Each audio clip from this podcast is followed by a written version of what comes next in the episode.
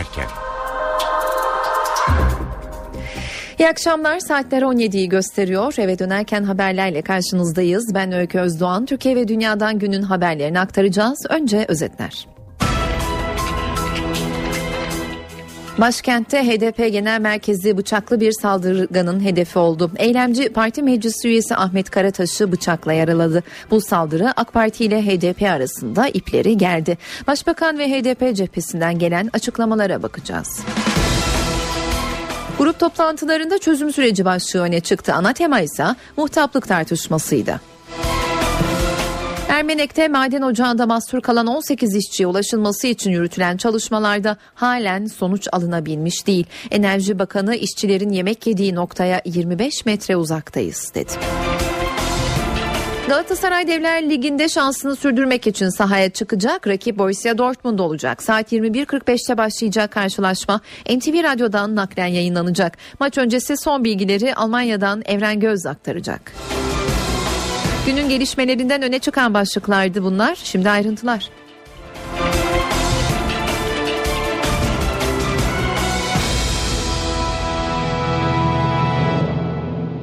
Halkların Demokratik Partisi'nin Ankara'daki genel merkezinde bu sabah parti üyesi bir isme saldırı düzenlendi. Saldırı sonucu parti meclis üyesi Ahmet Karataş ağır yaralandı. Konu bir anda siyasetin bir numaralı gündem maddesi haline geldi. Bu konuda gelen açıklamalara bakacağız ama önce olayın nasıl meydana geldiğine bakalım. Telefon attığımızda NTV muhabiri Özden Erkuş var. Özden.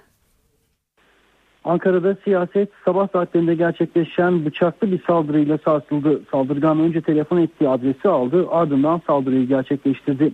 HDP Ankara İl Başkanlığı bıçaklı saldırıya sahne oldu. 1986 Ankara doğumlu zanlı sabah saatlerinde Mithatpaşa Caddesi'nde HDP Genel Merkezi ile aynı binada bulunan Ankara İl Başkanlığı'na geldi.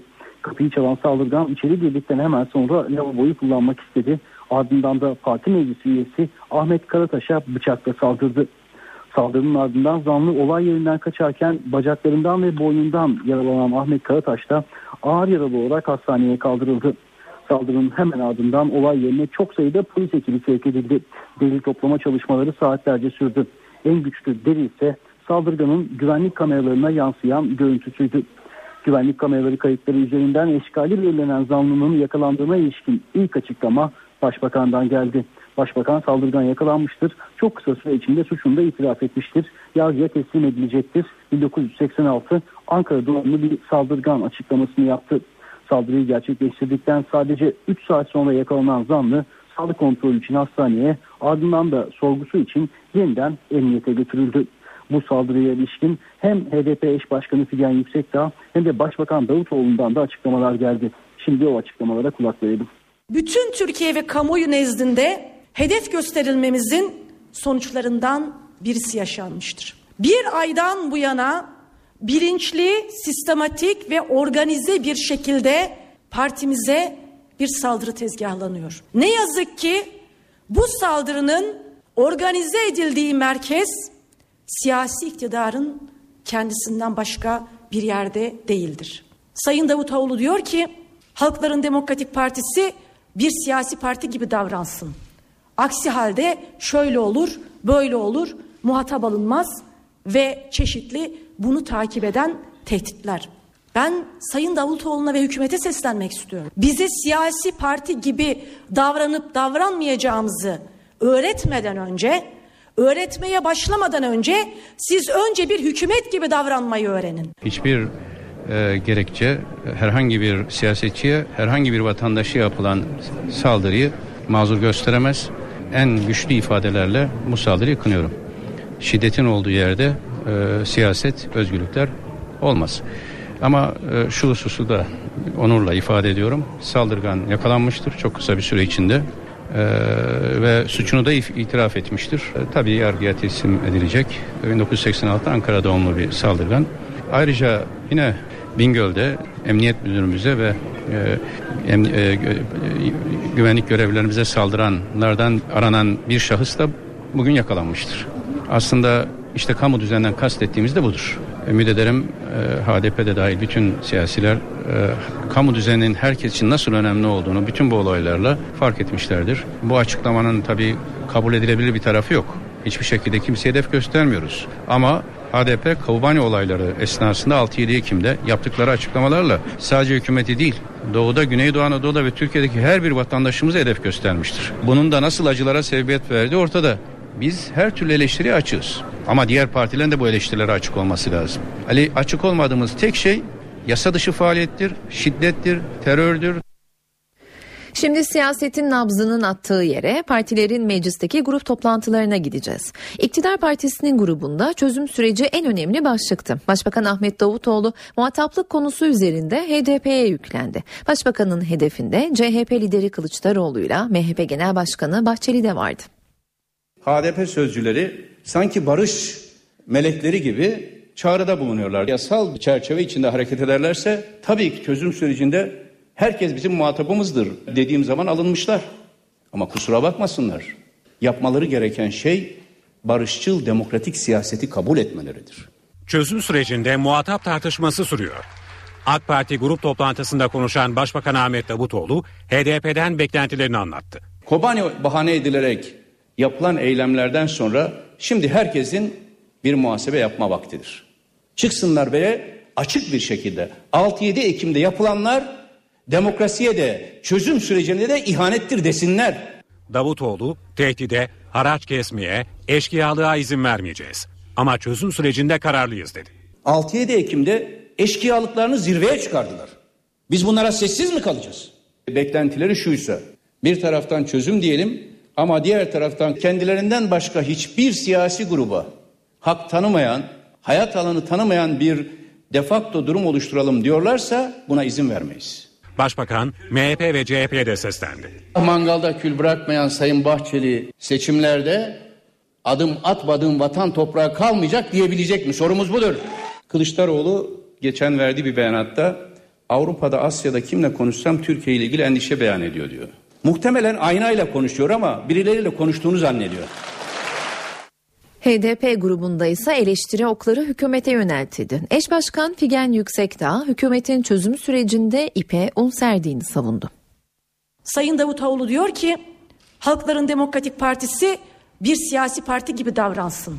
Aksi halde şöyle olur, böyle olur, muhatap alınmaz ve çeşitli bunu takip eden tehditler. Ben Sayın Davutoğlu'na ve hükümete seslenmek istiyorum bize siyasi parti gibi davranıp davranmayacağımızı öğretmeden önce, öğretmeye başlamadan önce siz önce bir hükümet gibi davranmayı öğrenin. Halkların Demokratik Partisi eş genel başkanı Efegen Yüksekdağ, Başbakan Ahmet Davutoğlu'na yanıt verdi. Yüksekdağ çözüm sürecinin askıya alındığını savundu. Müzakere artık askıda tutulmaktan vazgeçilmeli, somut olarak başlatılmalıdır. Hükümet atması gereken adımların ne olduğunu çok iyi biliyor. Sağa sola yalpalamaktan, hedef saptırmaktan vazgeçmelidir. Ermenek'te yaşanan maden faciası da Yüksekdağ'ın gündemindeydi. Çalışma ve Sosyal Güvenlik Bakanı Faruk Çelik de Enerji ve Tabi Kaynaklar Bakanı Taner Yıldız'ı istifaya davet etti. Milliyetçi Hareket Partisi lideri Devlet Bahçeli'nin gündeminde Kobani'ye peşmergenin geçişine izin verilmesi, çözüm süreci ve Güneydoğu'da askerlere yönelik saldırılar vardı. Saldırılara çözüm sürecinin yol açtığını iddia eden Bahçeli, hükümetin Alevi açılımını da eleştirdi. PKK vatan evlatlarının ensesinden vururken hala süreç ihanetinden bahsetmek nasıl tevil edilecektir? MHP lideri Devlet Bahçeli son dönemde silahsız askerlere yönelik saldırıları hatırlattı. Cumhurbaşkanı Recep Tayyip Erdoğan ve Başbakan Ahmet Davutoğlu'nu sert sözlerle eleştirdi. Kırmızı kitabı kalem alanlar Türkiye'nin üzerine kırmızı kalem çekmek üzeredir. Sayın Erdoğan, Sayın Davutoğlu birileri sizi tehdit mi ediyor? Bilmediğimiz açıklarınız var da kullanılıyor, santaj altında mı tutuluyorsunuz? Bahçeli partisinin grup toplantısında konuştu. Gündeminde Peşmerge'nin Kobani'ye geçişi de vardı. Bu ihanet geçidinin 2 Ekim tarihli tezkereyle hiçbir ilgisi olmadığını herkes bilmelidir. Zira peşmerge grupları uluslararası hukuka göre yabancı asker statüsünde görülemeyecektir. Zira peşmerge yönetimi bir korsan devlettir. Peşmergeye alan ve koridor açmak kesinlikle vatana ihanet suçudur. Bahçeli, hükümetin Alevi açılımı çalışmalarını da eleştirdi. Cem de bizimdir, semah da bizimdir.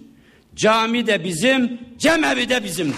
Ne Yavuz'u unutur ne de İsmail'e yüz çeviririz. Alevi kardeşlerimizin istek ve arzularının doğru yanlış, meşru gayrimeşru diye tasnif edilmesi de haddini aşan bir saygısızlık olacaktır.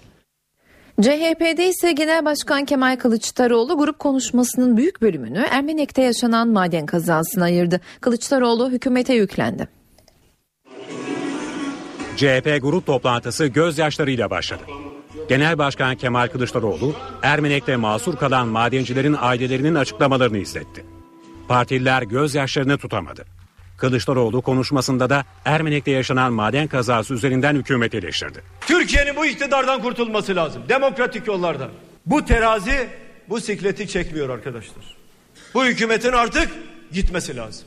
Ne adaleti var ne kalkınması var. Adalet olsaydı Türkiye farklı bir yerdeydi şimdi. CHP lideri maden işçilerinin ailelerine seslendi. Bütün kadın kardeşlerime sesleniyorum. Yerin altına inen sizin eşleriniz. Size akşam ekmek getirmek için onlar oraya iniyorlar. Böyle bir iktidarı ne kadar ayakta tutacaksınız artık siz? Kılıçdaroğlu sözü yeni Cumhurbaşkanlığı sarayına getirdi. Yer altında insanlar çalışıyor. Hayatları pamuk ipliğine bağlı. Yer üstünde insanlar çalışıyor. Hiçbir güvenceleri yok. Sen bütün bunları alıp bir tarafa atıyorsun. O yoksul insanların vergileriyle kendine bin odalı saray yapıyorsun. Karaman'ın Ermenek ilçesindeki maden kazasında ocakta mahsur kalan 18 işçiye halen ulaşılamadı. Yüzlerce kişiden oluşan kurtarma ekibi ocaktaki suyu tahliye ediyor. Enerji Bakanı Taner Yıldız'dan gelen son açıklamaya göre suyun 5'te 4'ü tahliye edildi ve işçiler sadece 25 metre uzaklıkta. Ermenek'te su basan maden ocağında mahsur kalan 18 işçiye ulaşmaya çalışan ekibin önünde artık daha büyük engeller var. 600 kişilik arama kurtarma ekibi bariyerler nedeniyle güçlükle ilerliyor. Şu anda suyun maden ocağıyla alakalı çalışmalarımızda bizi etkileyen olumsuz bir yanı bulunmamaktadır. Beşte dördünü bitirdiğimiz, e, beşte birinin suyunu, suyunu ve çamını atmaya çalıştığımız bir ocaktan bahsediyoruz. Su nedeniyle yumuşayan zeminde güçlendirme çalışmaları da sürüyor. Madene sadece TTK ve AFAD'a bağlı ekiplerin girmesine izin veriliyor. Madendeki oksijen miktarı düşük. Metan gazı ve karbon monoksit seviyesinin yükselmesi de ekibi zorluyor. Yemek yenilen yere yaklaşık 25-28 e, metre civarında bir e, daha mesafemiz var. Eğer o bariyerin arkasında boşluk varsa 25 metreyi çok kısa sürede aşabiliyorsunuz. Ama tavanda göçmeler varsa tabii ki e, daha çok zamana ihtiyacımız var. Ekipler işçilerin basınçlı suyun etkisiyle daha derin noktalara sürüklenmesinden endişe ediyor. İşçi kardeşlerimizin yakınlarının beklediği 3 tane baca vardı. 3 bacaya da girdik. E, Orada işçi kardeşlerimize rastlayamadık. Demek ki bu daha ileriki bir noktalarda. Desandre ile Nefes'in son bölümlerine doğru e, bulunduklarını tahmin ediyoruz.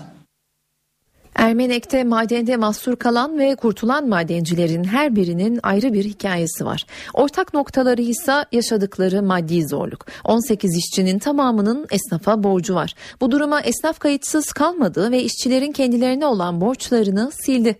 Kaymakamlık da ailelere birer ton kömürle biner lira dağıtmaya başladı. Ermenek kömür havzasında aşağı yukarı 1500 madenci e, işçi kardeşimiz çalışıyor. Bu işçilerimizin kredi borçlarını 3 ay süreyle bankalarımız erteliyorlar. Ermenek'teki bütün madencilerin kredi borçları 3 ay ertelendi. Suyla dolan madende mahsur kalan 18 işçinin borçları ise silindi. Yer altında kalan bazı maden işçilerimizin e, kredi borçlarını da özellikle Halk Bankası'ndan kredi borcu alındığı tespit edildi. Bu borçları da e, Halk Bankası Genel Müdürlüğü siliyor. Yer altındaki madencilerin aileleri için kaymakamlık ve esnafta harekete geçti. 18 işinin ailesine birer ton kömür ve odunun yanı sıra biner lira para dağıtıldı. Ermenek esnafı yer altındaki 18 madenciye ait borçları sildi. İlçedeki madencilerin neredeyse tamamı her ay bankalara ödeme yapıyor. Madencilerin burada e, esnaflara ve e, kredi kartı olarak ve veyahut da işte çektikleri evlerine e, kredi olarak aşağı yukarı %99'una yakının borcu vardır. Torosların eteğindeki ilçede yaşayanlar madende çalışmaya mahkum olduklarını söylüyor. Aldıkları maaşın büyük bölümünü borçlarına yatıran madenciler kıt kanaat geçiniyordu. Şöyle hesap ediyorum 5 kişilik bir nüfus sadece simit yese bu para zaten biter. Ha, o ne yapıyor Ermenekli? Orada çalıştığının harici gelip bir de evinde çalışıyor işte. İstanbul'da dün yaşanan tekne faciasında kaybolan 13 kişiyi arama çalışmaları sürüyor. Havadan helikopter, denizden sahil güvenlik ekipleri suyun yüzeyini tarıyor.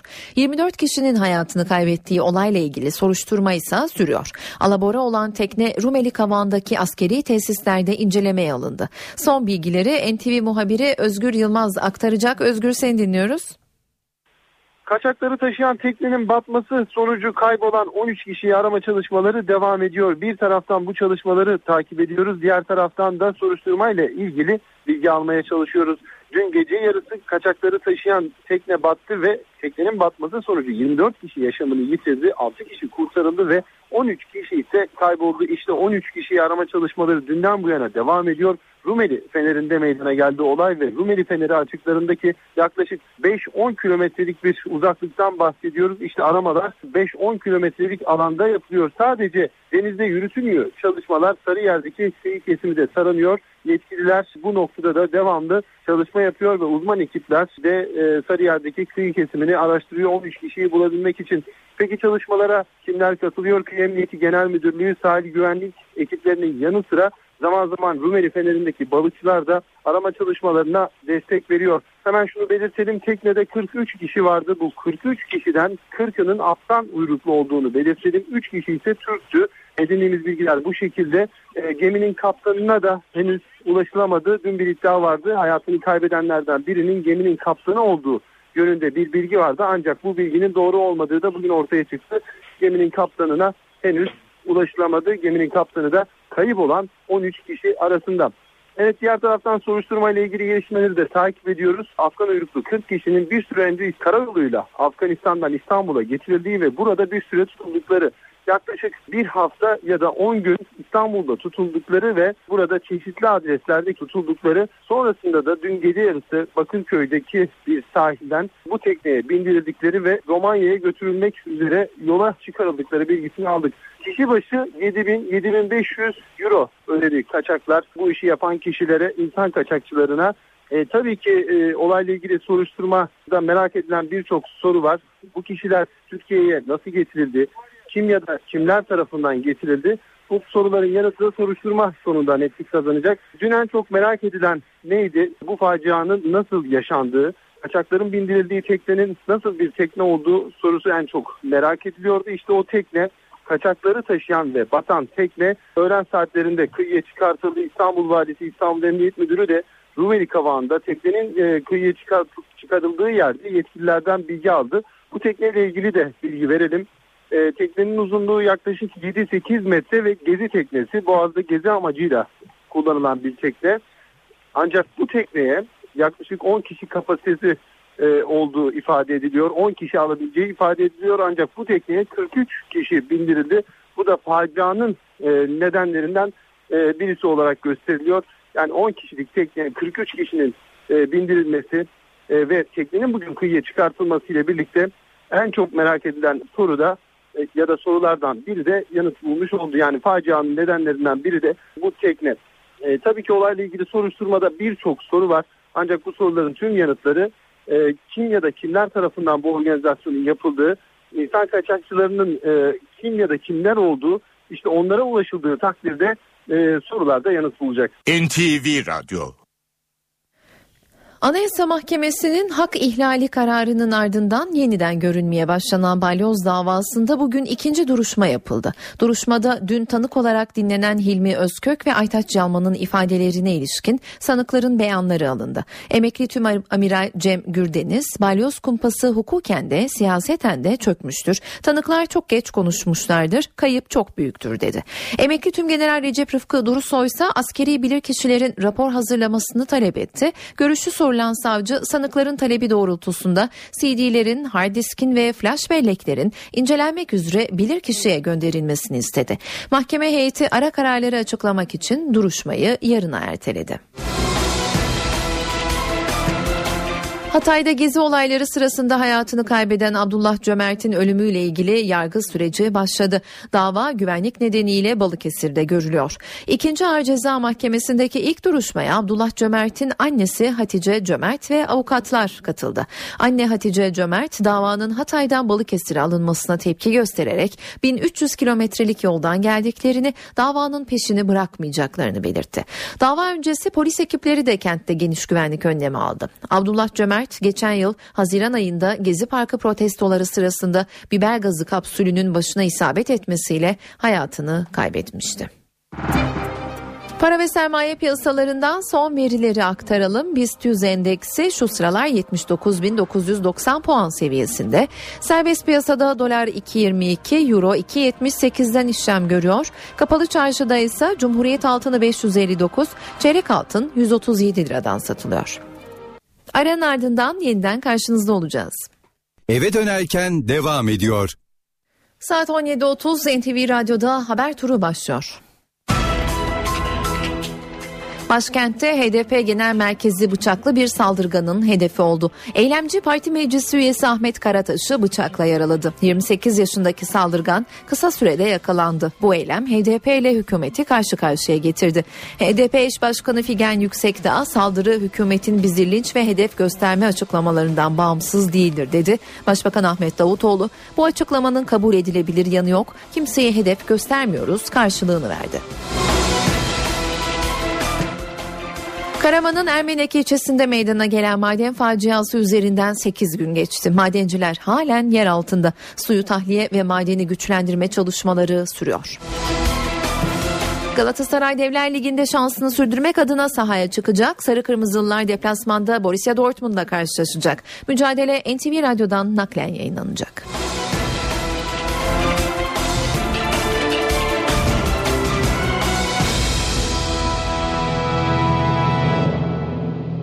Başbakan Ahmet Davutoğlu bakanlıkların ardından bu kez de briefing almak için Genelkurmay Başkanlığı'na gitti. Karargahtaki briefingi bizzat Genelkurmay Başkanı Orgeneral Necdet Özel veriyor.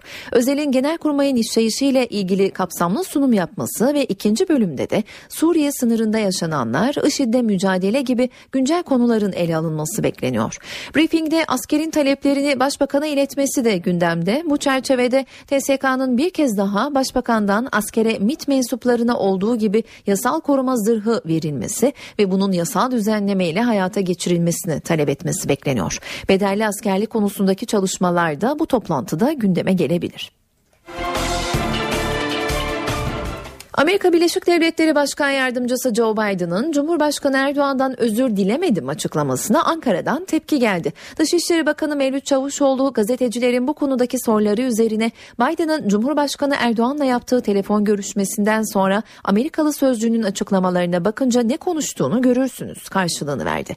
Dışişleri Bakanlığı sözcüsü Tanju Bilgiç de Biden'ın yaptığı açıklamadan sonra hem Beyaz Saray sözcüsü hem de kendi sözcüsü açıklama yaparak özür dilediğini söyledi ifadesini kullandı. Biden geçen ay Türkiye'den Suriye'ye giden yabancı savaşçılar konusunda Erdoğan'ın kendisine siz haklıydınız dediğini iddia etmiş. Erdoğan ise bu sözleri yalanlamış. Biden özür dilemelidir demişti. Bu mesajların ardından Beyaz Saray sözcüsü Joe Biden'ın sözlerindeki her türlü ima için Erdoğan'dan özür dilediğini açıklamıştı. Kobani başlığına bakacağız şimdi. Amerika öncülüğündeki koalisyon güçleri havadan, Kürt güçler karadan IŞİD hedeflerini vurmayı sürdürüyor. Ayrıntıları Kobani'yi gören noktadan Şanlıurfa Suruç'tan Burak Özcan aktaracak. Burak.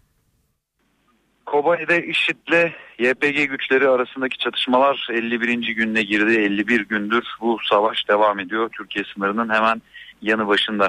Bugün neler yaşandı kentte gün boyunca düne göre baktığımız zaman biraz daha sakin bir ortam olduğunu görüyoruz ancak yine de çatışmalar özellikle kentin batı mahallelerinde devam etti gün boyunca. Son 3 gündür peşmerge güçleri de YPG ile birlikte IŞİD'e karşı mücadele ediyor. Onların bu savaşa dahil olmasıyla birlikte Katyusha füzeleri de bu çatışmalara girdi ve IŞİD'e ait mevziler işte bu Katyusha füzeleriyle zaman zaman vuruluyor. Zaman zaman havanların seslerini duyuyoruz. Yer yerde hem doçkaların hem de uzun namlulu yine silahların seslerini kentte duymak mümkün. Son iki gündür hava operasyonları biraz daha azalmış durumda ancak sık sık bölgede e, koalisyona ait jetlerin seslerini duymak mümkün. Gelip keşif uçuş yapıyorlar. Genelde çok yüksek irtifadan uçuyor bu jetler uçak savar menziline girmemek için ancak çok nadiren de olsa çıplak gözle de o uçakları görmek mümkün oluyor. Dün özellikle çok yoğun çatışmalar vardı. Kobani'nin batı bölümünde batıdaki köylerde özellikle IŞİD'in kontrolünde olan köylerde o köylere yönelik YPG'nin ve Peşmerge'nin yoğun saldırıları vardı. Havanlarla yine katyuşalarla ve yine bölgeden gelen bilgilere göre o köylerin bazılarından da çıkarıldı. IŞİD militanları ve YPG yine kontrolü sağlamış durumda. Tabii altını çizmek lazım. Bu 51 gündür devam eden savaş boyunca zaman zaman bu çatışmaların şiddetlendiğini görüyoruz. Zaman zaman daha sakin geçen günler oluyor ancak e, seyrini kestirmek çok da mümkün değil. Çok sakin giden bir günün sonunda çok da şiddetli çatışmalar yaşanabiliyor yine de kentte. Buradaki gelişmeleri izlemeyi sürdürüyoruz. NTV muhabiri Burak Özcan aktardı. Merkez Bankası dün açıklanan Ekim ayı enflasyon rakamlarını değerlendirdi. Ekim ayı fiyat gelişmeleri raporunu yayımlayan Merkez Bankası çekirdek enflasyon göstergelerinde sınırlı iyileşme gözlendiğini belirtti. Banka Ekim ayında elektrik ve doğalgaz fiyatlarına yapılan zammın da yıllık enflasyonu 0,4 puan artırdığını açıkladı. Ankara Beştepe'de inşa edilen Cumhurbaşkanlığı Sarayı için harcanan meblağ belli oldu. Maliye Bakanı Mehmet Şimşek binanın 1 milyar 370 milyon liraya yapıldığını açıkladı. Plan Bütçe Komisyonu'nda konuşan Şimşek, Cumhurbaşkanlığı için alınan uçak için de 185 milyon dolar ödeme yapıldığını ifade etti. Mehmet Şimşek aynı konuşmasında örtülü ödenekten 874 milyon lira harcama yapıldığının bilgisini de verdi. Örtülü ödenekten en fazla harcama yapan kurum 618 milyon lirayla Başbakanlık oldu. Örtülü ödenekten MIT 145 milyon lira, Milli Güvenlik Kurulu 85 bin lira, Milli Savunma Bakanlığı ise 475 bin lira harcama yaptı. Kısa bir ara veriyoruz yeniden karşınızda olacağız.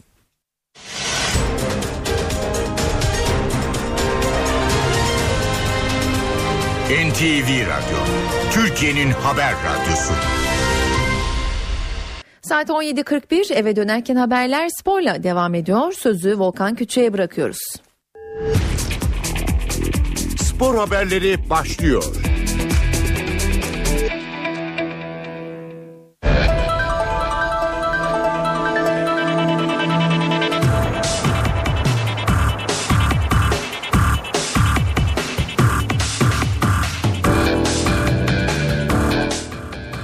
Galatasaray bu sezon için Şampiyonlar Ligi'nde tamamı devam anlamı taşıyan bir maça çıkacak. Sarı Kırmızılı takım İstanbul'da 4-0 yenildi. Borussia Dortmund'da Almanya'da karşılaşacak. Saat 21.45'teki maç NTV Radyo ve Star TV'den naklen yayınlanacak. Karşılaşma öncesi son bilgiler ve olası 11'ler Cem Dizdar ve Gürcan Bilgiç'in yorumlarıyla Çift Forvet programında olacak. Galatasaray'ın kaptanı Selçuk İnan Borussia Dortmund maçını kazanmak zorunda olduklarını söyledi. NTV Spor'a konuşan sarı kırmızılı futbolcu Kasımpaşa maçıyla başlayan olumlu havayı sürdürmek istediklerini vurguladı. Maçın ne kadar önemli olduğunu farkındayız. Ee, yarınki maç e, mutlaka kazanılması gereken bir maç bizim için. E, çünkü e, Allah göstermesin kaybetmemiz durumunda artık e, hayal gibi olur gruptan çıkmak. E, bizim hedefimiz de bundan önceki iki sene olduğu gibi bu sene de gruptan çıkabilmek. Zannedersem bu sene de gruptan çıkabilirsek e, ilk defa olacak. Bu da Türk, Türk futbolu için önemli bir şey olsa gerek. E, dediğim gibi yarınki maçı kazanmak için çıkacağız sahaya. Elimizden gelen her şeyi e, bütün mücadeleyi göstereceğiz. İnşallah da kazanırız. Tabii ki biz gruplardan çıkmak istiyoruz her sene her sene. Şampiyonlar Ligi'nde olmak istiyoruz ama e, sonuçta futbol e, gerçekçi bir oyundur. E, eğer gruptan çıkamıyorsak bile e, UEFA'da yolumuza devam etmek istiyoruz. Ee, bunun da farkındayız, bilincindeyiz. Ona göre bir strateji belirleyeceğiz tabii. Aslında aramızda bir sorun olduğu söylenemez. Ee, bu e, bütün takımların yaşayabileceği e, sorunlardı. Yeni hocamız var. Onun isteklerini yapmaya çalışıyoruz ki bugüne kadar e, tamamıyla yaptığımızı e, düşünmüyorum. E, ama ilerlettik. E, hocanın istediklerini sahaya yansıtırsak biz de e, daha fazla konsantre olursak e, bence yenemeyeceğimiz takım yok. Çünkü bundan önce bunu göster göstermiştik herkese. E, Kasımpaşa maçı bizim için çıkış maçı. Bence de e, yapmış olduğumuz kamp beraber çok vakit geçirdik. E, sorunlar üzerine konuştuk. Daha iyi yapabileceğimiz şeyler üzerine konuştuk. E, bunun neticesinde de e, yavaş yavaş meyvelerini toplayacağımızı düşünüyorum ben. Borussia Dortmund Teknik Direktörü Jürgen Klopp Bundesliga'daki kötü gidişe rağmen Galatasaray maçına rahat çıkacaklarını söyledi. Ligdeki kötü sonuçlar bizi biraz kriz durumuna getirdi ama çalışıp iyi yerlere geleceğiz. Galatasaray karşısında da iyi sonuç alacağımıza eminiz. Bir gerçek vardır ki biz Dortmund olarak birbirimize hep destek oluyoruz. Galatasaray ne yapıyor bilemem. Galatasaray da iyi takım ama zor günler geçiriyor. Bayern Münih'e karşı oynadık bu maçta orta sahamızın daha iyi sonuçlar alacağını düşünüyoruz. Biz rahatız. İstanbul'daki maçta da rahat oynadık ve pozisyonları değerlendirdik. Bu karşılaşmada her zamanki gibi rahat bir Borussia Dortmund izleyeceksiniz. Şampiyonlar Ligi'nde başarılı bir dönem geçiriyoruz ancak bunu lige yansıtamadık. Kötü gidişatımızı dönem dönem düşünüyoruz ama çok da düşünürsek bu oyunculara iyi yansımayacak. Biz Galatasaray maçını kendi stadımızda oynayacağımız için üzerimizdeki baskıyı pozitife dönüştüreceğimizi düşünüyorum. İleriye dönük adımların daha rahat atılması gerek. Galibiyetler gelecektir. Ligde liderlik koltuğuna oturan Fenerbahçe'de yüzler gülüyor. Kalan 8 haftada fikstür avantajını elinde bulunduran Salı Lacivertliler ilk yarıdaki 5 maçını kendi evinde oynayacak. Beşiktaş'ı 2-0 yenerek 8. hafta sonunda liderliğe ulaşan Fenerbahçe'de camia fikstür olarak da avantajlı konuma geçildiği görüşünde. Sarı lacivertler sezon başına kendilerine ilk 8 haftayı minimum kayıpla ve olabilecek en iyi durumda geçme hedefi koymuştu. Rakiplerinde puan kayıpları ile birlikte senaryo istenen sonuca ulaştı. Fenerbahçe 8. hafta sonunda liderlik koltuğuna oturdu. İlk 8 haftada Trabzonspor, Galatasaray ve Beşiktaş deplasmanlarını oynayan Fenerbahçe bu 3 maçtan 4 puan çıkardı. Trabzon'dan beraberlikle dönen Sarı lacivertler Galatasaray'a kaybetti, Beşiktaş maçını ise kazandı. Devre arası kampına kadar kalan 8 maçta Fenerbahçe'yi kağıt üstünde daha avantajlı bir fikstür bekliyor. Öyle ki Sarı lacivertler kalan 8 maçın 5'ini iç sahada oynayacak. Başkan Aziz Yıldırım da Beşiktaş derbisi öncesinde oyunculara fikstürden bahsetmiş ve ilk yarıyı rahat bir şekilde lider kapatacaklarına inandığını vurgulamıştı. Fenerbahçe'nin kağıt üstündeki fikstür avantajı kalan 8 maçta da sınırlı değil. Sayı lacivertliler ligin ikinci yarısında Galatasaray, Beşiktaş ve Trabzonspor'la kendi evinde oynayacak. Beşiktaş Teknik Direktörü Slaven Bilic kaybettiğimiz hiçbir şey yok dedi. Partizan ve İstanbul Başakşehir maçlarına hazırlanan siyah beyazlılarda Hırvat teknik adam oyuncularına Fenerbahçe mağlubiyetini unutmaları gerektiğini söyledi. Beşiktaş'ta teknik direktör Slaven Bilic futbolcularını Partizan ve İstanbul Başakşehir maçlarına motive etmeye çalışıyor. Fenerbahçe derbisini 2-0 kaybeden siyah beyazlı takımda gözler iki önemli maça çevrildi. Futbolcularıyla toplantı yapan Bilic, Fenerbahçe maçının geride kaldığını ve bir an önce toparlanmaları gerektiğini söyledi. Sezonu rakiplerinden daha erken açtıklarını hatırlatan Hırvat teknik adam, sezon içinde düşüşler yaşayacağımızı lig başlamadan konuşmuştuk. Son iki maçta da böyle bir dönemin içine girdik. Ancak kısa sürede toparlanmalıyız. Ekim ayında liderken hiçbir şey kazanmadığımızı söylemiştim. Şu anda kaybettiğimiz bir şey yok, dedi. Hırvat teknik adam futbolculara Partizan ve İstanbul Başakşehir maçlarını kazanmaları halinde yeniden çıkışa geçeceklerini söyledi. Bu haberle spor bültenimizin sonuna geldik. Hoşçakalın. NTV Radyo Cemal Reşit Rey konser salonunda Capriccio Stravagante Rönesans Orkestra dinlenebilir bu akşam. Avrupa'nın ve dünyanın kendi dalında en önde gelen topluluklarından biri olan orkestra saat 20'de sahnede olacak. Esin Iris de İstanbul'da müzik severler için bir konser veriyor. Iris Jolly Joker İstanbul'da olacak. Performans başlama saati 21. Beyoğlu Hayal Kahvesi de tango severleri bir araya getiriyor bugün. Pia Tango, Türk ve dünya tangolarına farklı yorumları ve özgün besteleriyle saat 22.30'da başlıyor performansına. Tiyatro severler için de bir önerimiz olacak. Yaşamaya dair Trump Kültür ve Gösteri Merkezi'nde sahneye konacak. Nazım Hikmet'i konu alan Yaşamaya Dair adlı müzikal oyunu uyarlayan ve yöneten Genco Erkal. Tülay Günal'ın rol aldığı oyun saat 20.30'da açıyor perdelerini. Bu akşam evdeyseniz CNBC'de saat 22'de Grace is Gone izlenebilir. John Cusain başrollerinde yer aldığı film, Irak'ta savaşan deniz piyadesi Grace'in genç kocası Stanley'in yaşadığı felaketi anlatıyor. Filmin Sundance Film Festivali'nde senaryo ile izleyici ödüllerini aldığını da ekleyelim. Star TV'de ise saat 21.45'te Şampiyonlar Ligi'nde karşı karşıya gelecek Borussia Dortmund ve Galatasaray maçı izlenebilir.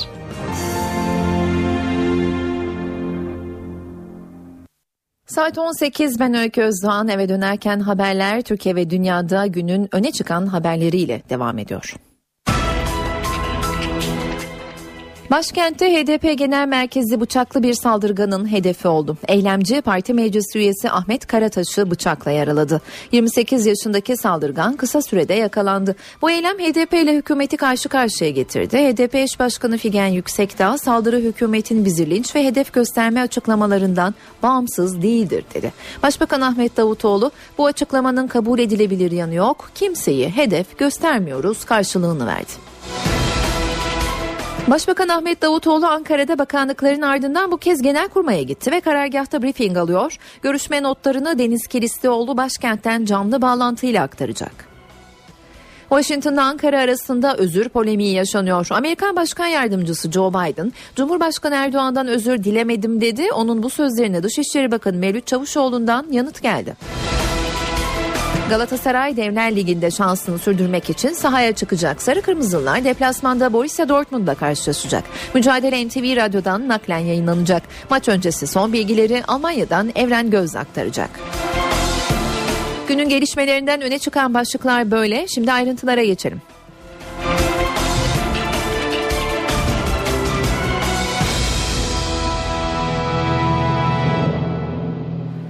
Başkentte bu sabah HDP Genel Merkezi'nde korku dolu anlar yaşandı. Bıçaklı bir saldırgan HDP Parti Meclis Üyesi Ahmet Karataş'ı yaraladı. Bu saldırı iktidarla HDP'yi karşı karşıya getirdi. Önce telefon edip adresi aldı. Ardından saldırıyı gerçekleştirdi. HDP Parti Meclis Üyesi Ahmet Karataş, partisinin genel merkezinde bıçakla saldırıya uğradı. Zanlı sabah saatlerinde Mithat Caddesi'nde bulunan HDP Genel Merkezi'ne geldi. İçeri girdikten sonra lavaboyu kullanmak istediğini söyledi. Ardından da parti meclis üyesi Ahmet Karataş'a bıçakla saldırdı. Zanlı olay yerinden kaçtı. Bacaklarından ve boynundan yaralanan Ahmet Karataş ağır yaralı olarak hastaneye kaldırıldı. Sabah saatlerinde gerçekleşen saldırının ardından olay yerine çok sayıda polis ekibi sevk edildi. Delil toplama çalışmaları hala devam ediyor. Polis zanlıyı 3 saat içinde yakaladı. Açıklamayı bizzat başbakan yaptı. Saldırgan yakalanmıştır çok kısa bir süre içinde. Ee, ve suçunu da itiraf etmiştir. Tabii yargıya teslim edilecek. 1986 Ankara doğumlu bir saldırgan. Bıçaklı saldırı HDP ile hükümeti karşı karşıya getirdi. Bu saldırı siyasi linç ve hedef gösterme saldırılarından bağımsız değildir. Bunu münferit bir olay olarak görmüyoruz. Bu açıklamanın tabii kabul edilebilir bir tarafı yok. Hiçbir şekilde kimseye hedef göstermiyoruz. Ama HDP Kavubani olayları esnasında 6-7 Ekim'de yaptıkları açıklamalarla sadece hükümeti değil Doğu'da, Güneydoğu Anadolu'da ve Türkiye'deki her bir vatandaşımıza hedef göstermiştir. Siyasetin nabzı meclisteki grup toplantılarında attı. Öne çıkan başlık çözüm süreci, Peşmerge'nin Türkiye toprakları üzerinden Kobani'ye geçişi ve Ermenek'teki maden kazasıydı. Kim ne söyledi bunu parlamento günlüğünde NTV muhabiri Miray Aktağ Uluç aktaracak. Miray seni dinliyoruz. Bugün siyasi partilerin e, başkanları, genel başkanları mecliste konuşmalar yaptılar. Her salı olduğu gibi ve onların da gündeminde Türkiye gündemindeki o önemli başlıklar vardı. Başbakan Ahmet Davutoğlu ile Halkların Demokrasi Partisi arasındaki muhatap tartışması bugün de devam etti. Ahmet Davutoğlu grup toplantısında HDP'yi hedef aldı ve barış melekleri gibi çağrıda bulunuyorlar. Çıksınlar açık şekilde 6-7 Ekim'de yapılanlar çözüm sürecine ihanettir desinler diye konuştu. Cumhuriyet Halk Partisi'ne ve Milliyetçi Hareket Partisi'ne yönelik de eleştirileri vardı. Başbakan Ahmet Davutoğlu'nun Türkiye'nin birliğini beraberliğini korumak Ankara'da olmaz dedi. Ee, Bahçeli'yi hedef aldı. Bugün mangalda kül bırakmayan Devlet Bahçeli gelecek hafta burada seçimleri adım atmayacak, vatan toprağı kalmayacak diyebilecek mi diye sordu. Ahmet Davutoğlu yaptığı açıklamada HDP'den beklentilerini anlattı. Kobani sonrasında herkes için artık e, muhasebe vaktidir dedi ve demokrasiye de çözüm sürecine de ihanet olduğunu savundu. Haklı'nın Demokrasi Partisi'nin tutumunun haraç kesmeye eşkili, eşkıyalığa izin vermeyeceğiz ama çözüm sürecinde kararlıyız dedi ve süreçteki kararlılık mesajını e, bir kez daha vurguladı Ahmet Davutoğlu. Cumhuriyet Halk Partisi Genel Başkanı Kemal Kılıçdaroğlu ise grup konuşmasının büyük bir bölümünü Ermenek'teki maden kazasına ayırdı. CHP lideri hem Ermenek'te yaşanan maden kazası hem de Cumhurbaşkanlığı sarayı üzerinden hükümete hedef aldı. Maden işçileri ve ailelerine seslendi. Bir Barkovizyon e, gösterdi. Barkovizyon'dan bir e, video gösterdi Cumhuriyet Halk Partisi grubuna. O sırada CHP milletvekillerini ve partililerin gözyaşlarına hakim olamadığı da görüldü. Çünkü o Barkovizyon e, gösterisinde Ermenek'te mahsur kalan madencilerin ailelerinin açıklamaları vardı. Ve maden kazası üzerinden hükümeti sert sözlerle eleştirdi CHP lideri. Artık demokratik yollardan bu iktidardan kurtulmamız lazım dedi Cumhuriyet Halk Partisi Genel Başkanı. Ne adaleti var ne kalkınması var dedi. E, ve CHP Genel Başkanı ailelere e, yönelik e, seslendiği o konuşmasında ise e, neden böyle bir iktidarı ayakta tutuyorsunuz artık uyanma vakti gelmedi mi diye sordu ve Cumhurbaşkanlığı Sarayı ile ilgili olarak da yer altında insanlar çalışıyor. Hayatları pamuk ipliğine bağlı. Yer üstünde insanlar çalışıyor. Onların hiçbir güvenceleri yok. Ancak oraya koskocaman bir saray yapıyor. Kendilerine saray yapıyorlar dedi ve o e, sarayı Cumhurbaşkanlığı e, sarayını CHP iktidarında Orta Teknik Üniversitesi'ne vereceğini ifade etti. Milliyetçi Hareket Partisi'nin Genel Başkanı Devlet Bahçeli ise hükümeti çözüm sürecinden eleştirdi. Bahçeli bilmediğimiz açıklarınız mı var? Şantaj altında mısınız diye hükümete bir soru yöneltti ve Peşmerge'nin Türkiye üzerinden Suriye'ye gitmesi konusunda da ağır ifadeleri var. Devlet Bahçeli'nin PKK vatan evlatlarını ensesinden vururken hala süreç ihanetinden bahsetmek nasıl anlatılabilir diye sordu. Askerlere yönelik saldırıları hatırlattı bu sözlerle. Hem Ahmet Davutoğlu'nun hem Cumhurbaşkanı'na e, hedef aldı. Kırmızı kitabı kaleme alanlar Türkiye'nin üzerine de kırmızı kalem çekmek üzerindedir gibi bir ifadesi vardı o konuşmasında. Devlet Bahçeli'nin Peşmerge'nin Kobani'ye geçişiyle ilgili olarak da Peşmerge'ye koridor açmak kesinlikle vatana ihanettir dedi ama bugün konuşmasına dikkat çeken ayrıntılardan biri Alevi açılımı çalışmaları ile ilgiliydi. O açılım çalışmalarını da eleştirdi Devlet Bahçeli ve Alevi kardeşlerimizin isteklerinin doğru yanlış gayrimeşru şekilde yorumlanması haddini aşmaktır dedi. Halkların Demokrasi Partisi'nde ise bugün kürsüye çıkan isim eş başkanlardan Figen Yüksekdağ'ydı ve ana gündem maddesi kuşkusuz onun da çözüm süreciydi. Çözüm süreciyle ilgili olarak AK Parti ile HDP arasındaki atışma devam ediyor ve o atışma bugün Halkların Demokrasi Partisi'nde de yine karşılık buldu. Çözüm sürecinin askıya alındığını söyledi. Hükümet cephesinden gelen eleştirilere tepki gösterdi. Ahmet Davutoğlu'nun kendisine yönelik eleştirilerine yanıt verdi. Mert olun sözünüzde durun sözünüzün gereğini yerine getirin dedi. Ermenik'te yaşanan maden faciası da yüksek dağın gündemindeydi. Çalışma ve Sosyal Güvenlik Bakanı Faruk Çelik ve Enerji Bakanı e, Taner Yıldız'ı istifaya davet etti. Gruplardaki konuşmalar bu şekildeydi. Siyasi partilerin liderleri, genel başkanları kürsüye çıktıklarında işte gündemlerinde bu başlıklar vardı. Ee, Salı günü toplantılarından özetle öne çıkan notlar bu şekilde. NTV muhabiri Miray Aktağ Uluç konuşuyordu.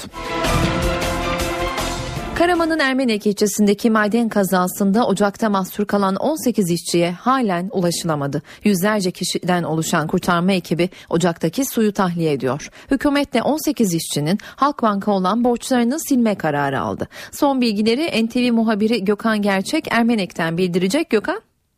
Ermenek'teki madende artık 8. günün akşamındayız ama ne yazık ki mahsur kalan o madencilere henüz ulaşılamadı. Ulaşılabileceğine ilişkinde hiçbir öngörü yok. Şu an için arama kurtarma faaliyetleri devam ediyor.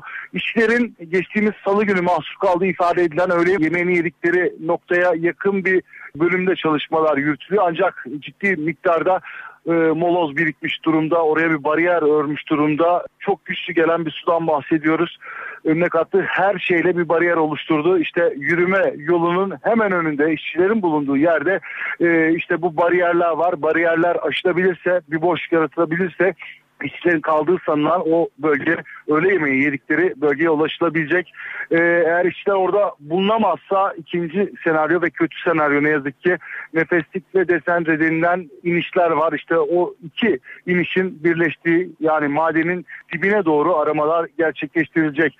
1300 metrelik yürüme yolu olan bir madenden bahsediyoruz. Yaklaşık 850 metrelik bölümünde görerek arama gerçekleştiriyor Türkiye Taş Kömür İşletmelerine bağlı ekipler tarafından. Ama henüz madencilerin ne eşyalarına ne de kendilerine ulaşılabilmiş değil. Bir taraftan havalandırma yapılıyor, bir taraftan da içerideki moloz, taş, kum ve çamur e, dışarıya çıkartılmaya çalışılıyor.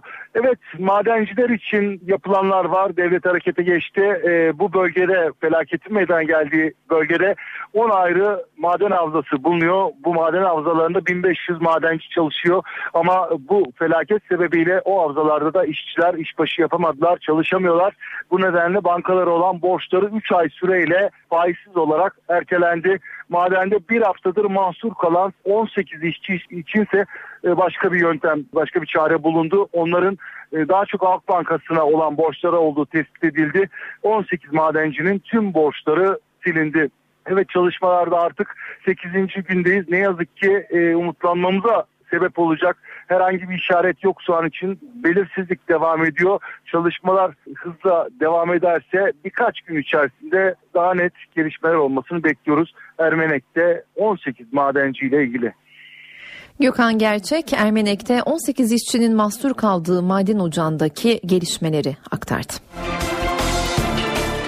İstanbul Sarıyer açıklarında 24 kişinin ölümüyle sonuçlanan tekne faciasında kaybolan 13 kişiyi arama çalışmaları sürüyor. Rumeli Feneri açıklarında havadan Sahil Güvenlik Komutanlığı'na bağlı bir uçak tarama yapıyor. Sahil Güvenlik Komutanlığı Sivil Savunma ve Kıyı Emniyeti Genel Müdürlüğü'ne bağlı gemi ve botlar da denizde çalışmalarını sürdürüyor. Bu arada kaçakları taşıyan tekne karaya çekildi. Sarıyer Liman Caddesi'nde bulunan askeriyeye ait alanda incelemeye alındı. Rumeli Feneri açıklarında batan teknede bulunan 6 kişi kurtarılırken 24 kişinin cesetleri bulunmuştu. Avrupa'ya komşu olması nedeniyle kaçaklar Türkiye üzerinde umuda yolculuk yapıyor. Rakamlar dikkat çekici. Sadece geçen yıl Türkiye'de 40 bin yasa dışı göçmen yakalandı. Ülkelerinden kaçıyor, sığınacak yer arıyorlar. Kimisi ise bu uğurda canından oluyor. Türkiye, coğrafi konumu nedeniyle göç yollarının merkezinde. Rakamlar çarpıcı. Türkiye'de 2013 yılında 40 bin yasa dışı göçmen yakalandı.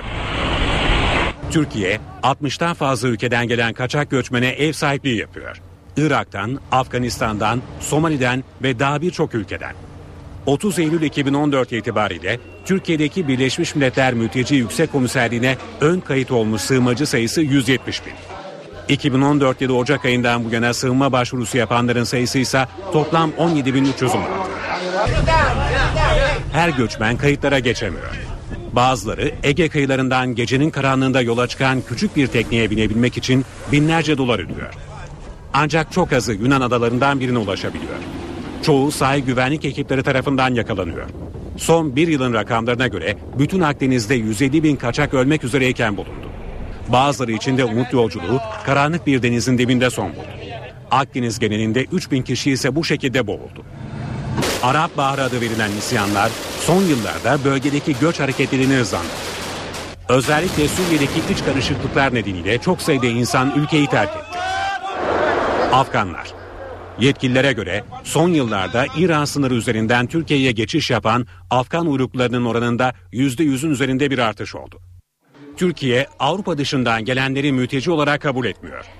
Ülkelerini terk edip Türkiye'ye gelenlerin bir kısmı geçici sığınmacı olarak kabul ediliyor. Suriyelilerin durumu biraz farklı. Onlar misafir olarak adlandırılıyor. Ancak misafirlerin sayısı her geçen gün artıyor. Rakamlar tüm dünyada son 20 yılın en üst seviyesine çıktı. Birleşmiş Milletler'in 2012 verilerine göre zulüm ve savaş nedeniyle evini, ülkesini terk edenlerin sayısı 45 milyonun üzerinde.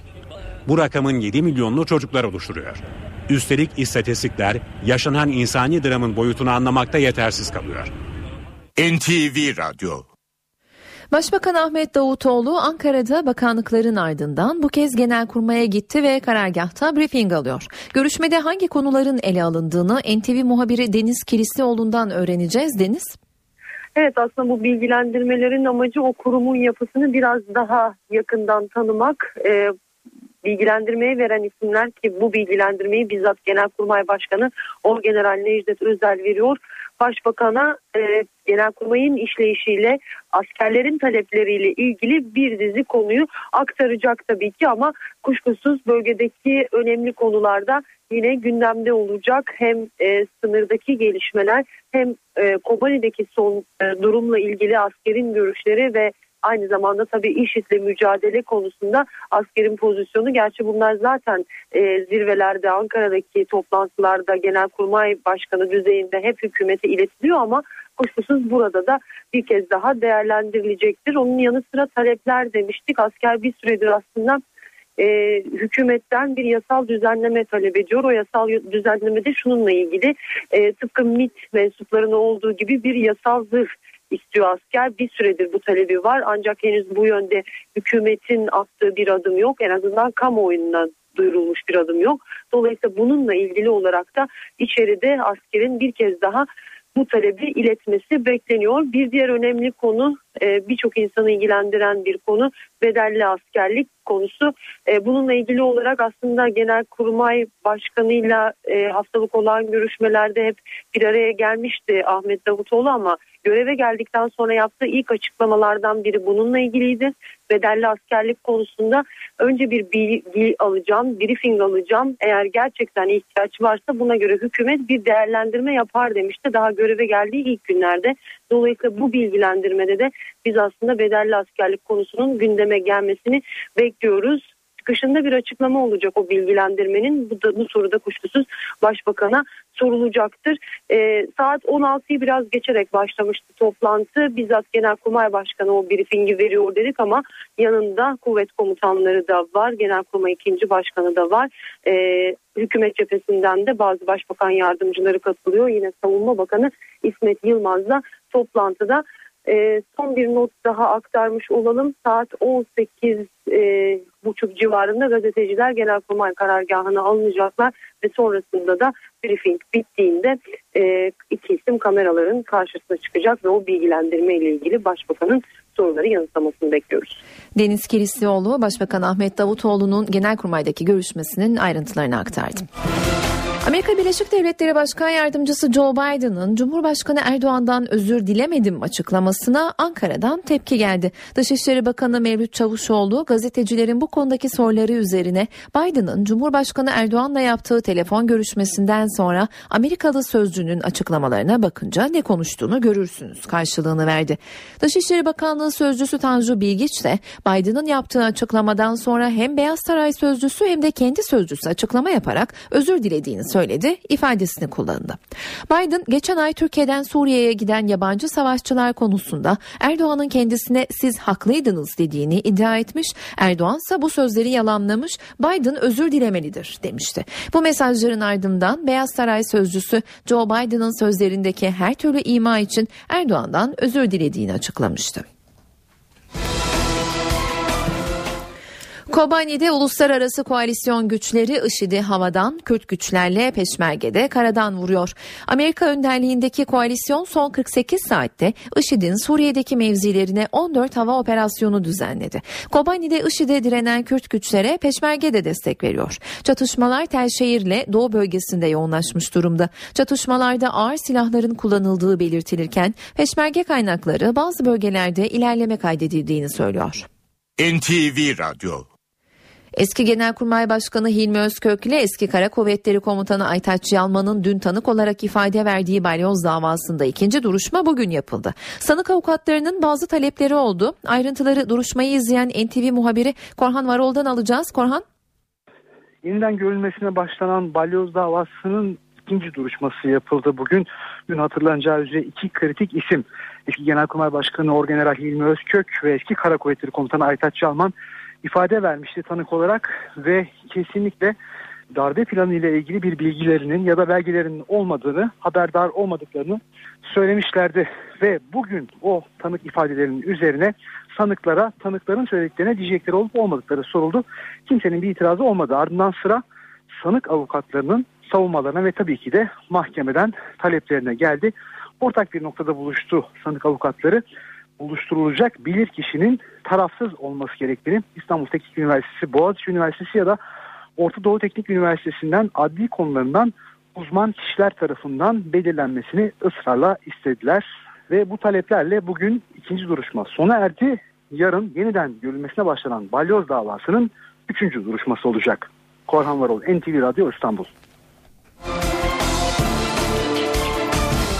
Hatay'da gezi olayları sırasında hayatını kaybeden Abdullah Cömert'in ölümüyle ilgili yargı süreci başladı. Dava güvenlik nedeniyle Balıkesir'de görülüyor. İkinci Ağır Ceza Mahkemesi'ndeki ilk duruşmaya Abdullah Cömert'in annesi Hatice Cömert ve avukatlar katıldı.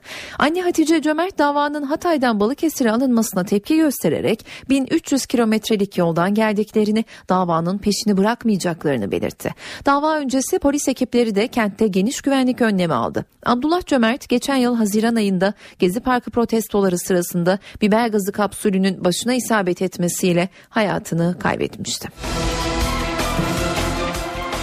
Paso Lig ile birlikte futbol karşılaşmalarında olay çıkartan ve sahaya yabancı madde atan taraftarlara ulaşmak kolaylaştı. Bu kapsamda hafta sonu oynanan iki karşılaşmada sorun yaratan 60 kişiye spor müsabakalarını seyir, seyirden men cezası verildi. Pazar akşamı Atatürk Olimpiyat Stadında oynanan Beşiktaş-Fenerbahçe derbisinde 40 kişi hakkında işlem yapıldı. Sahaya meşale ve yabancı madde atan, alkollü olarak maça gelen, görevlilere direnen 40 kişi bir yıl süreyle spor müsabakalarını seyirden men edildi. Cuma akşamı Türk Telekom Arena stadında oynanan Galatasaray Kasımpaşa futbol takımları arasındaki maçla ilgili ise 20 kişiye ceza verildi.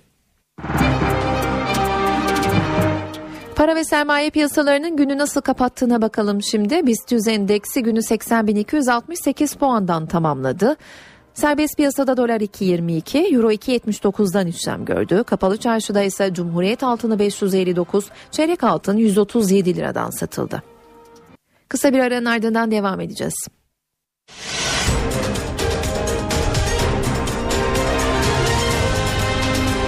NTV Radyo, Türkiye'nin haber radyosu. Saat 18.30 ben Öykü Özdoğan eve dönerken haberlerde günün öne çıkan gelişmelerini aktaracağız. Başbakan Ahmet Davutoğlu Genelkurmay'da briefing alıyor. Masada IŞİD'le mücadele, Suriye sınırındaki gelişmeler ve bedelli askerlik gibi başlıklar var. Davutoğlu'nun briefing sonrası yapacağı açıklamayı NTV Radyo'da mikrofona getireceğiz. Başkentte HDP Genel Merkezi bıçaklı bir saldırganın hedefi oldu. Eylemci parti meclis üyesi Ahmet Karataş'ı bıçakla yaraladı. 28 yaşındaki saldırgan kısa sürede yakalandı. Karaman'ın Ermenek ilçesinde 18 madencinin mahsur kaldığı maden ocağındaki çalışmalarda 8 gün geride kaldı. İşçilere hala ulaşılamadı. Bu arada hükümet Ermenek'teki maden sahasında çalışan ve kredi borcu olan madencilerle ilgili bir karar aldı. Mahsur 18 işçinin Halk Bankası'na olan tüm borçları silindi. İlçedeki madenlerde çalışan 1500 madencinin borçları ise 3 ay süreyle ertelendi.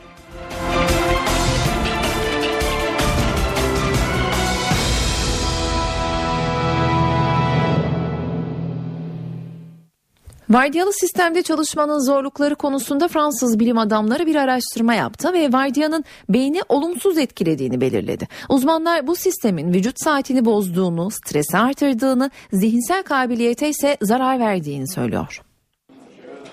Fransız bilim insanlarından vardiyalı çalışanlara kötü haber var. Vardiyalı çalışmak beyni olumsuz etkiliyor olabilir. Araştırmaya göre çalışma saatlerinin değişmesi uzun dönemde hafızaya ve zihinsel kabiliyete zarar veriyor. Tıpkı jet lag gibi. Araştırmacılar vardiyalı çalışmanın kişide bıraktığı etkiyi jet lag'a benzetiyor. Gündüz gece değişen saatlerde çalışmanın vücut saatini bozduğu belirtiliyor. Vücut saatinin bozulması hem bedene hem de beyne zarar veriyor. Beyin fonksiyonları bozuluyor, stres hormonu fazla çalışıyor. Bu etkiler sık sık uzun uçak yolculuklarına çıkanlarda da görülüyor. Araştırma Fransa'da 3000 kişi üzerinde yapıldı. 10 yıl içerisinde vardiyalı çalışanların hafızalarının gerilediği, idrak etmekte ise güçlük çektikleri tespit edildi. Araştırmacılar 10 yıl vardiyalı çalışmanın zihinsel açıdan 6,5 yıl yaşlanmaya eş olduğunu söylüyor. Bununla birlikte bu etkilerin kalıcı olmadığı da belirlendi. Fransız araştırmacılar vardiya bırakıldıktan 5 yıl sonra zararın gerilediğini tespit etti. Vardiyalı çalışmanın kalp hastalıkları ve bazı kanser türlerine yakalanma riskini artırdığı da biliniyor. Akdeniz'de kaçaklarla mücadelede yeni bir dönem başlıyor. İtalya Akdeniz'de kaçak göçmenleri arama ve kurtarma işini bıraktı. Bu görevi Avrupa Birliği devraldı. Ancak uzmanlar bu dönemde Akdeniz'de tam bir ölüm kalım savaşı başlayacağını, açık denizde ölümlerin katlanabileceğini söylüyor. İtalya tartışmalı bir karar aldı. Bir yıldır Akdeniz'de kaçak akınına karşı yürüttüğü arama kurtarma operasyonlarına son verdi. İtalyan sahil güvenliğiyle donanması Mare Nostrum kod adı verilen operasyonu yürütmeyecek artık. Nedeni ise bu operasyonların getirdiği ağır maliyet. Kurtarmanın aylık maliyeti İtalya'ya yaklaşık 12 milyon dolar.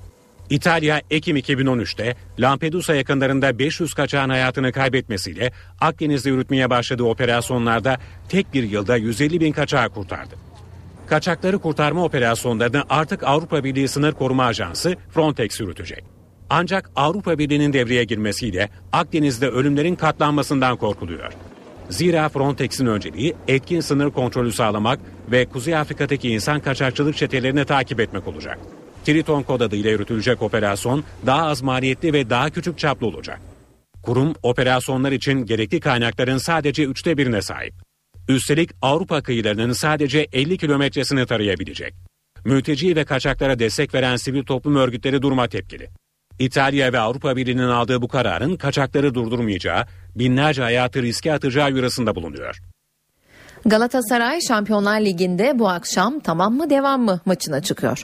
Rakip İstanbul'da Sarı Kırmızılıları 4-0 mağlup eden Borussia Dortmund. Almanya'da oynanacak maç saat 21.45'ten itibaren Star TV ve NTV Radyo'dan canlı yayınlanacak. Maç öncesi bilgileri NTV Spor muhabiri Evren Göz Almanya'dan aktaracak. Evren seni dinliyoruz. Galatasaray Şampiyonlar Ligi 4. maçında Borussia Dortmund'a konuk olacak. Almanya'daki bu zorlu mücadele Sarı Kırmızılar için Avrupa macerasının seyri açısından da çok önemli. Zira yenildiği takdirde Galatasaray e, Şampiyonlar Ligi'nde devam etme umudu artık kalmayacak ancak berabere kalırsa Avrupa Ligi için ilerleyen haftalar için ki Anderlecht maçı var önümüzdeki e, takvime baktığımızda 29 Kasım'da Belçika'da Anderlecht maçı için iddiasını koruyacak. Galatasaray için bu açıdan çok önemli bir mücadele. Sarı Kırmızılarda Pandev önemli oyuncu İstanbul'da bırakıldı. Teknik direktör Prandelli tarafından. Aynı zamanda Emre Çolak da İstanbul'daki futbolcular arasında Almanya'ya getirilmeyen oyuncular arasında. Hemen muhtemel 11'i verelim. Galatasaray'ın kalesinde Muslera'nın oynamasını bekliyoruz. Defansa Tarık Semih Şevci ve Alexeris orta sahada Selçuk Melo, Hamit Üçlüsü sağda olacağım. Solda Snyder ileride Burak Yılmaz şeklinde Galatasaray'ın muhtemel 11'i. Prandelli yeni yönetimin gelmesiyle beraber takımda bazı değişikliklere gitti ve Abdurrahim Albayrak'ın Ali Dürüst'ün etkileri olmaya başladı takımda. Bundan da bahsetmekte fayda var. Burada oyuncularla sürekli temas halindeler. Onlarla görüşüyorlar ve toplantılar yapıyorlar. Maç öncesi takım otelinde de oyuncuların motivasyonunu arttırmak için çeşitli toplantılar yapıldı. Artık yavaş yavaş maçın havasına giriyor Dortmund kenti. Çünkü 3 maçta 9 puan kazandı Alman ekibi ve grupta lider durumda. Henüz gol yemediler.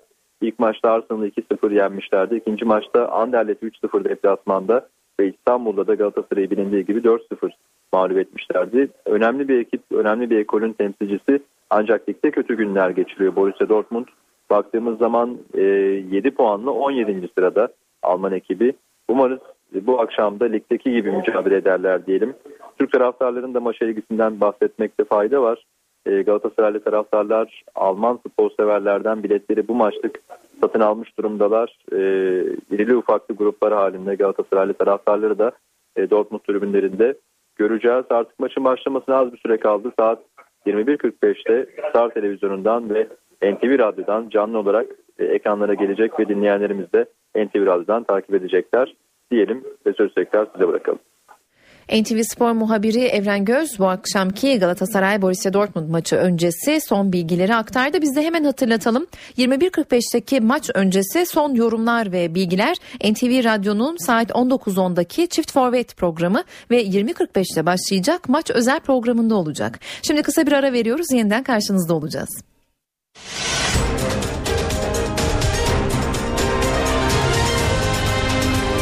NTV Radyo, Türkiye'nin haber radyosu. Saat 18.43 ben Öykü Özdoğan eve dönerken haberlerle yeniden karşınızdayız. Merkez Bankası dün açıklanan Ekim ayı enflasyon rakamlarını değerlendirdi.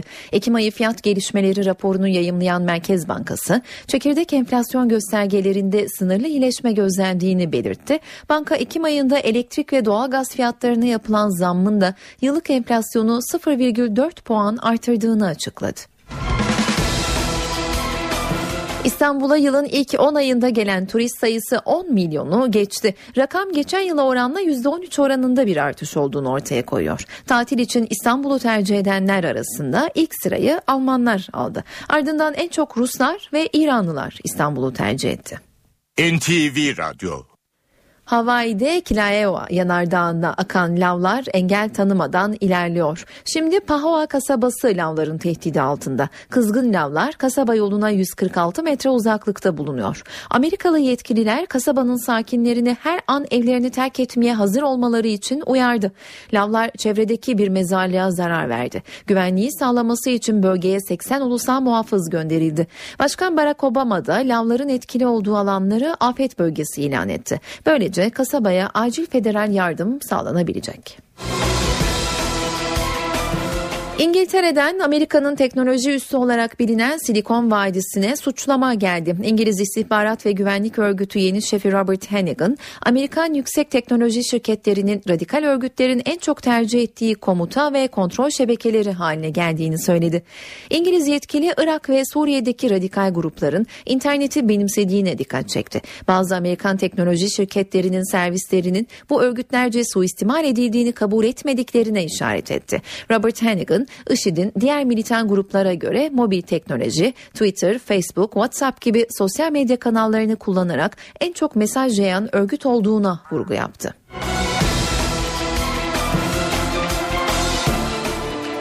Sırada bu akşam sergilenecek kültür sanat etkinliklerinden seçtiklerimiz var.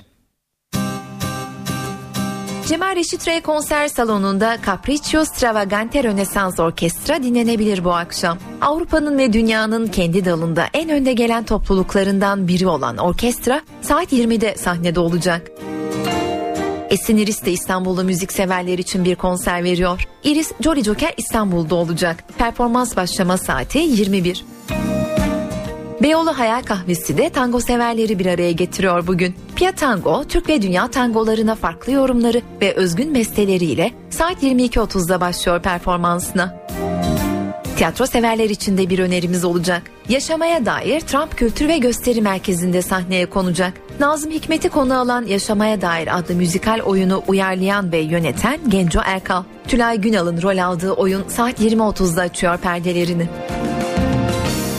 Bu akşam evdeyseniz CNBC'de saat 22'de Grace is Gone izlenebilir. John Cusain başrollerinde yer aldığı film, Irak'ta savaşan deniz piyadesi Grace'in genç kocası Stanley'in yaşadığı felaketi anlatıyor. Filmin Sundance Film Festivali'nde senaryo ile izleyici ödüllerini aldığını da ekleyelim.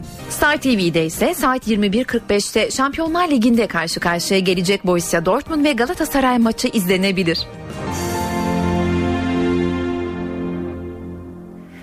Kısa bir ara veriyoruz. NTV Radyo yayını reklamların ardından işten güçten haberler ve Gökhan Abur'dan hava durumuyla devam edecek. Saat başında haberlerle yine yayında olacağız.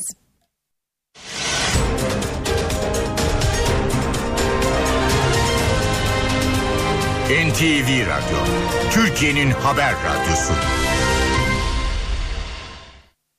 Saat 19 ben Öykü Özdoğan eve dönerken programı öne çıkan haberlerin özetleriyle devam ediyor.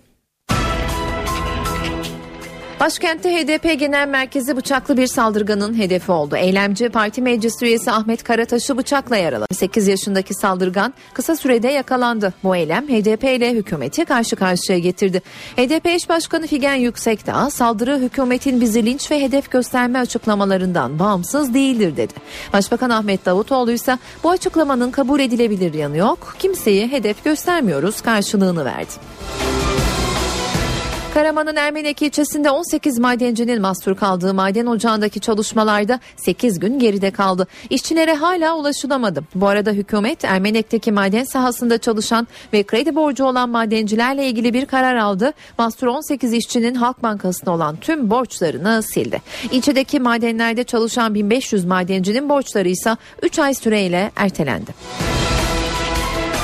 Anayasa Mahkemesi'nin hak ihlali kararının ardından yeniden görülen balyoz planı davasının ikinci duruşmasında savcı dijital verilerin bilirkişiye gönderilmesini istedi. Mahkeme heyeti ara kararları açıklamak için duruşmayı yarın erteledi. İstanbul Sarıyer'de bir banka şubesindeki güvenlik görevlisinin silahını ele geçiren bir kişi çevreye ateş açtı. Rastgele ateş açan şahıs panik yarattı. Olay yerine müzakereci polis çağrıldı. Silahtaki mermiler bitince polis saldırganın üzerine atladı ve zanlı etkisiz hale getirildi. Galatasaray Şampiyonlar Ligi'nde bu akşam kader maçına çıkıyor. Sarı Kırmızılılar deplasmanda Borussia Dortmund'la karşılaşacak. Mücadele saat 21.45'ten itibaren Star TV ve NTV Radyo'dan canlı olarak yayınlanacak. Maç öncesi son yorumlar ve bilgilerse NTV Radyo'da az sonra başlayacak Çift Forvet programı ve 20.45'teki maç özel programında olacak. İstanbul'daki trafik durumuna köprülerden başlayalım. Fatih Sultan Mehmet Köprüsü Çakmak'tan itibaren, Boğaziçi Köprüsü Acıbadem'den itibaren yoğun görünüyor. Avrupa yakasından Anadolu yakasına geçişlerde ise Fatih Sultan Mehmet Köprüsü Gazi Osman Paşa'dan itibaren Boğaziçi Köprüsü de Haliç'ten itibaren oldukça yoğun şu sıralarda Harem Göztepe istikametinde de Acıbadem'den başlayan bir yoğunluk var. Kozyatağı'na kadar sürüyor bu yoğunluk. İyi yolculuklar dileriz. Eve dönerken haberlerin sonuna geldik. Ben Öykü Özdoğan, editör Sevan Kazancı, teknik masada İsmet Tokdemir. İyi akşamlar diliyoruz. NTV Radyo'nun yayını kısa bir aradan sonra Cem Dizdar ve Gürcan Bilgic'in hazırlayıp sunduğu Çift Forvet programıyla devam edecek. Hatırlatalım saat 21.45'te de Galatasaray Borussia Dortmund karşılaşması NTV Radyo'dan naklen yayınlanacak. NTV Radyo